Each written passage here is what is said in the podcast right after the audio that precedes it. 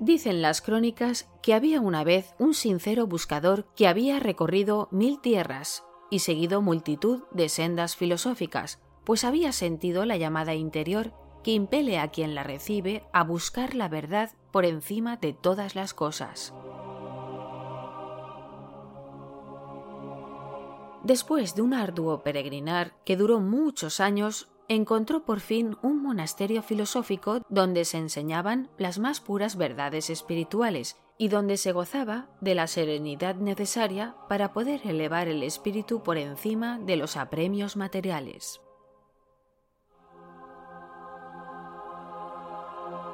Cuando los portales del monasterio filosófico le fueron abiertos, fue conducido a una celda que a partir de entonces se convertiría en su lugar de estudio y de oración.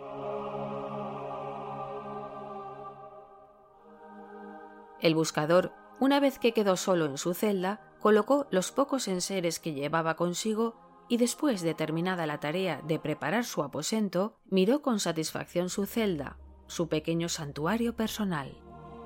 Era muy simple, tan solo un jergón donde reposar el cuerpo durante el sueño, un armario sencillo para dejar sus ropas, una estantería para los libros que tuviese que utilizar durante sus estudios y un humilde oratorio compuesto de una mesita y una silla. Sin duda alguna, ese aposento respiraba espiritualidad. Había encontrado su lugar. Se acercó a la ventana, la abrió y no pudo reprimir un gesto de disgusto. En ese momento vinieron a buscarle, pues había de ser presentado a los demás buscadores, estudiantes de sabiduría, que le esperaban en el capítulo general, donde se encontraba también el filósofo mayor, que estaba al cargo de la enseñanza de ese lugar.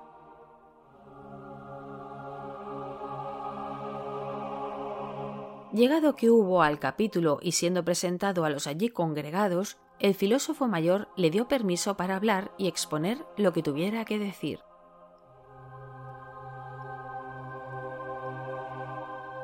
Siento un gran disgusto, dijo el buscador, pues al abrir la ventana de mi celda con la esperanza de ver el cielo, he visto que ante ella hay un árbol frondoso que me impide la visión del firmamento, y yo creo que viendo las estrellas en la noche podré descubrir los misterios de la creación y llegar a la iluminación, lo que no es posible por estar ese árbol allí.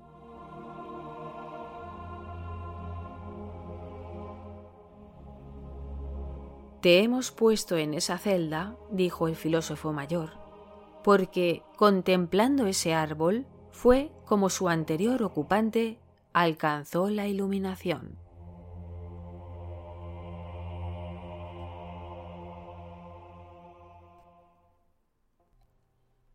Si desea más información sobre la Orden Rosacruz, visite nuestra página web www.rosacruz.net. Orden Rosacruz.